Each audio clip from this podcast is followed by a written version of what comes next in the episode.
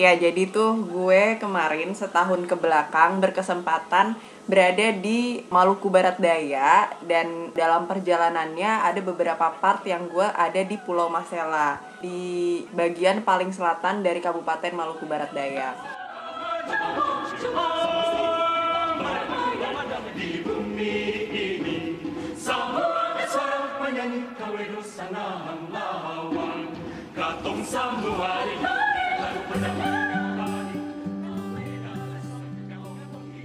kalau tradisi yang secara khusus itu mungkin apa ya ada beberapa sih yang gue temukan. Misalnya kayak waktu itu tuh nikah gitu dalam acara nikah adat.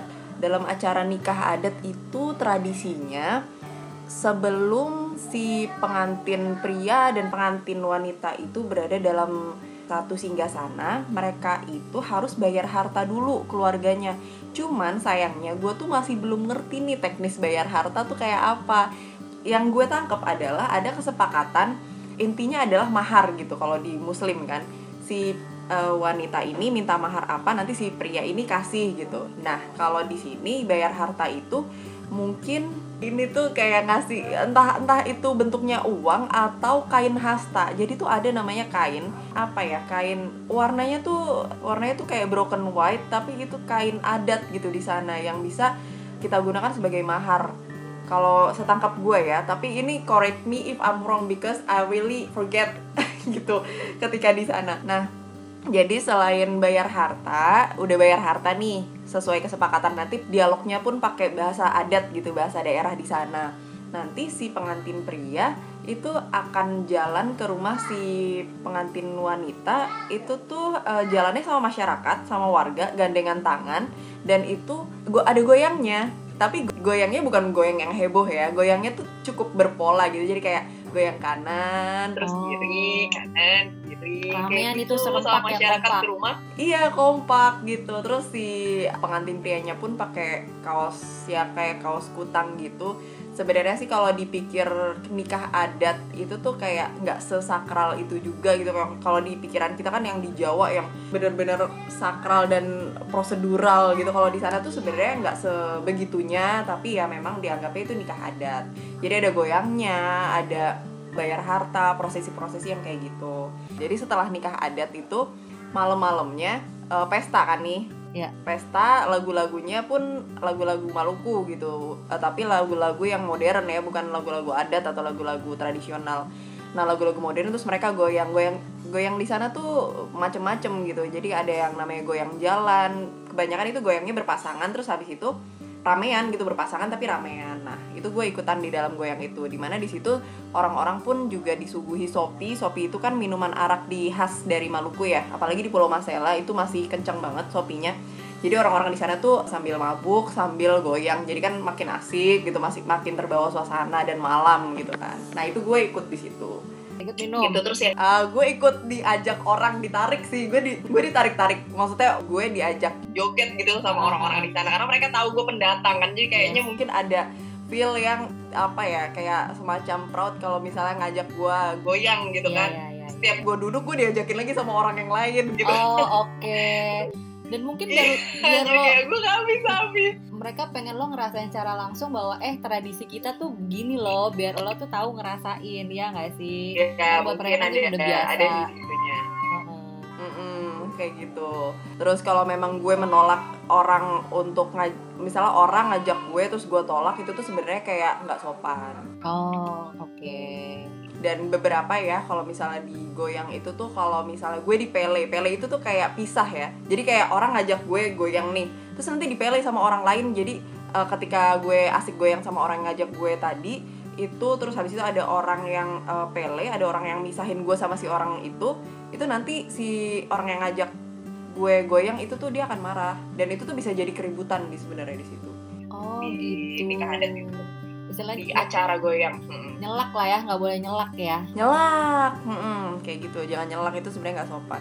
Kemarin terjadi sebenarnya sama gue dan alhamdulillah sih nggak ada apa-apa. Jadi cuman si orang yang ngajak gue itu ngambek gitu doang itu nggak berbuntut panjang. Iya berbuntutnya panjang bahaya sebenarnya. Tapi alhamdulillah sih kemarin.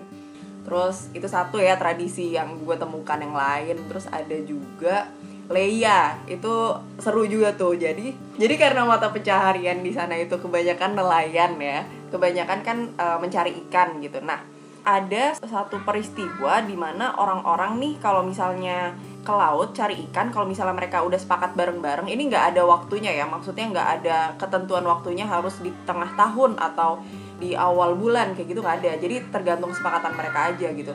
Ayo kita uh, bareng-bareng cari ikan di laut dan itu Leia. Leia itu adalah pukul-pukul. Jadi tuh ketika mereka nyampe di laut kita kan naik speed nih bareng-bareng. Orang-orang rame gitu kan naik speed semua terus nanti pancingnya mereka itu dipukul-pukulin ke speednya. Jadi kayak kesannya kayak pukul-pukul pukul-pukul gitu loh. Gimana ya di di speednya tuh saling memukul. Gitu apa ya? Terus kenapa sambil dipukul-pukul di speed gitu uh, tombaknya si alat pancingnya itu tuh dipukul-pukul juga di air. Jadi di airnya pun di lautnya pun di plak plak plak kayak gitu. Oh oke. Okay. nah itu gunanya buat apa? Mm -hmm. itu gunanya untuk supaya ikan-ikan yang ada di dalam pasir itu kan meti ya dong di eh apa ini? Su pakai bahasa susah. Masih gue masih benar masih ke bawah ya yo aduh beta susah mengerti di bahasa di sini. Campur lah campur jadi tuh ketika apa itu tuh disebutnya meti. Meti itu artinya di pesisir intinya nggak belum sampai ke laut sana. Nah itu dong eh dong itu artinya mereka ya. Dong bilang itu meti. Terus ya udah jadi kenapa dipukul-pukul supaya ikan-ikan yang ada di dalam meti yang di pesisir-pesisir itu tuh lari ke laut. Kenapa lari ke laut? Karena di laut di arah laut mereka ada jaring. Uh -uh ya mereka udah pasang perangkap jaring tuh di laut. Oh, nah gitu maksudnya. Oh, okay. Jadi kenapa dipukul-pukul kenapa mereka melakukan leya itu karena itu.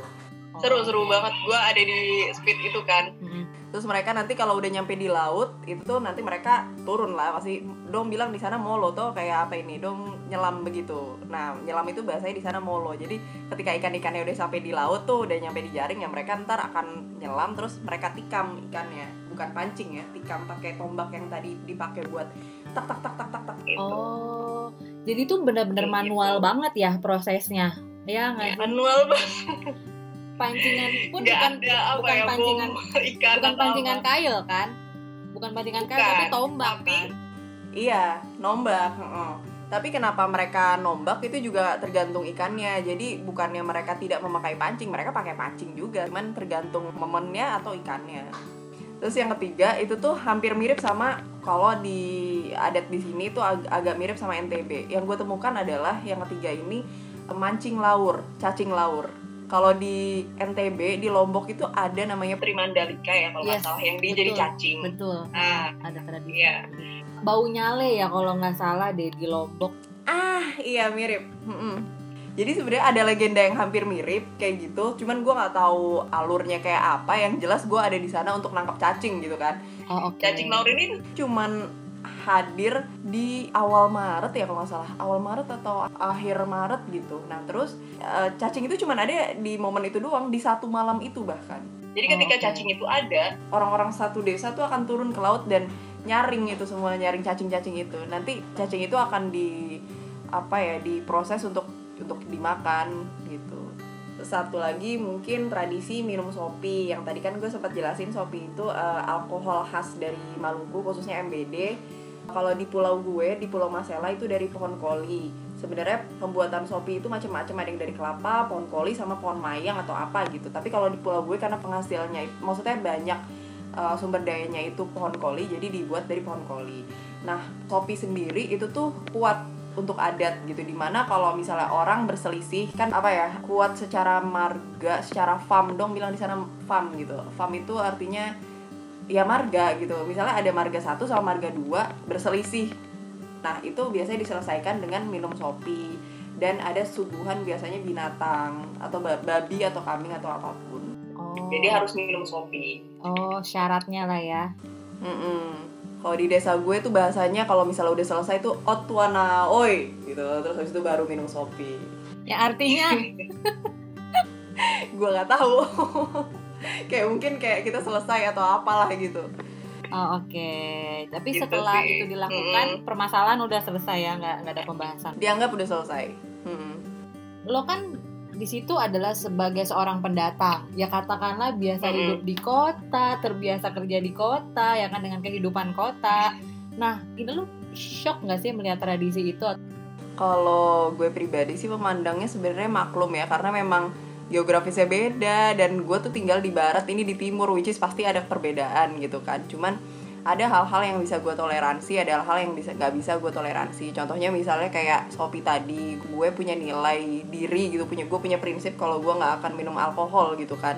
Jadi itu yang gue kasih tahu ke mereka dan mereka alhamdulillah mengerti gitu. Jadi gue nggak akan dipaksa untuk minum Sopi terus ada satu hal lagi di mana kalau di sana itu kan memang kekeluarga basis kekeluargaannya kenceng ya. Ya tetangga itu adalah keluarga gitu. Tetangga itu bisa bisa jadi antara satu marga ataupun kalau nggak satu marga itu nenek moyang lo nikah sama uh, tante om itu tuh ujung-ujungnya adalah satu leluhur. Dan mereka kalau satu leluhur tuh intinya keluarga. Intinya di sana keluarga lah itu. Satu kampung atau beberapa kampung tuh keluarga gitu. Nah itu membuat mereka menjadi lebih dekat kan. Nggak ada privasi atau nggak ada unggah ungguh gitu. Kalau di kita karena kita individual dan kita bukan keluarga sama tetangga gitu kan kalau tetangga masuk rumah kayak ini apaan tiba-tiba? Kalau mereka kan enggak mereka masuk masuk gitu aja. Nah ada satu waktu yang di mana anak-anak tuh ngeliat dari ventilasi jendela gue gitu ngeliat gue dari ventilasi jendela gue. Gue sebagai orang yang nggak terbiasa di kayak kesannya kalau buat gue tuh ngintip gitu kan anak-anak. Tapi bagi mereka kan enggak mereka kan cuma ngeliat. Mereka nggak dap nggak dapet apa ya stigma intip tuh kayak apa. Nah akhirnya gue kasih tahu penjelasan. Gue kasih tahu apa ya gue kasih tahu kalau itu tuh sebenarnya eh, nggak uh, baik nggak sopan. Apalagi kalau dilakuin di luar sini gitu kan. Ketika kalian merantau ketika kalian melakukan hal kayak gini ini nggak baik itu nggak sopan.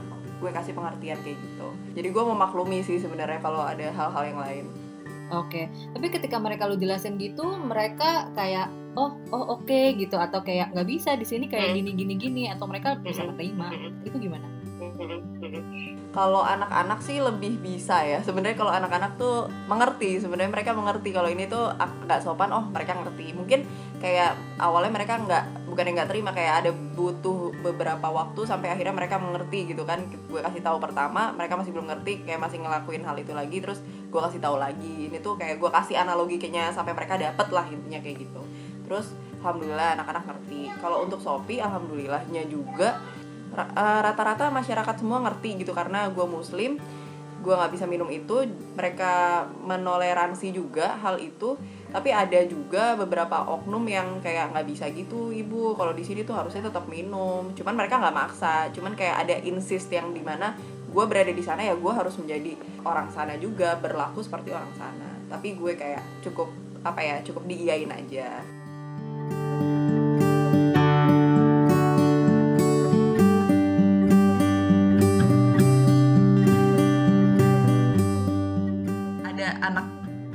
tuh nanya gitu kan. Dua orang yang satu yang kelas 6 ibu guru kenapa ibu guru uh, pakai jilbab? Terus gue bingung kan gue gak nyiapin nih kalau untuk pertanyaan kayak gini. Bener gue salah jawab.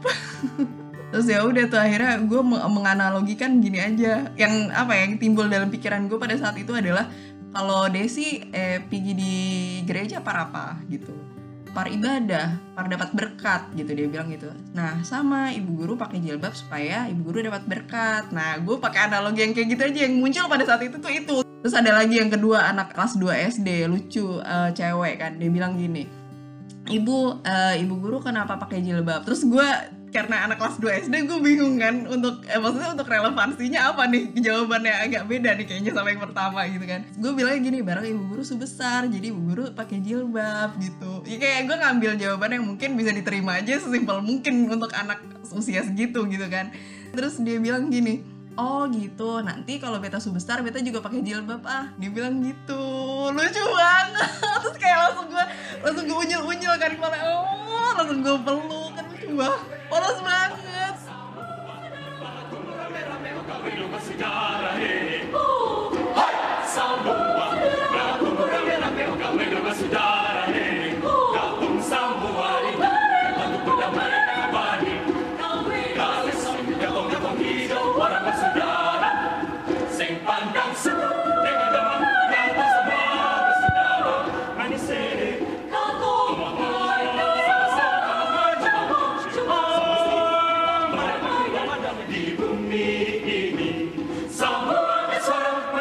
kawedu sanga hanglawan katong samduan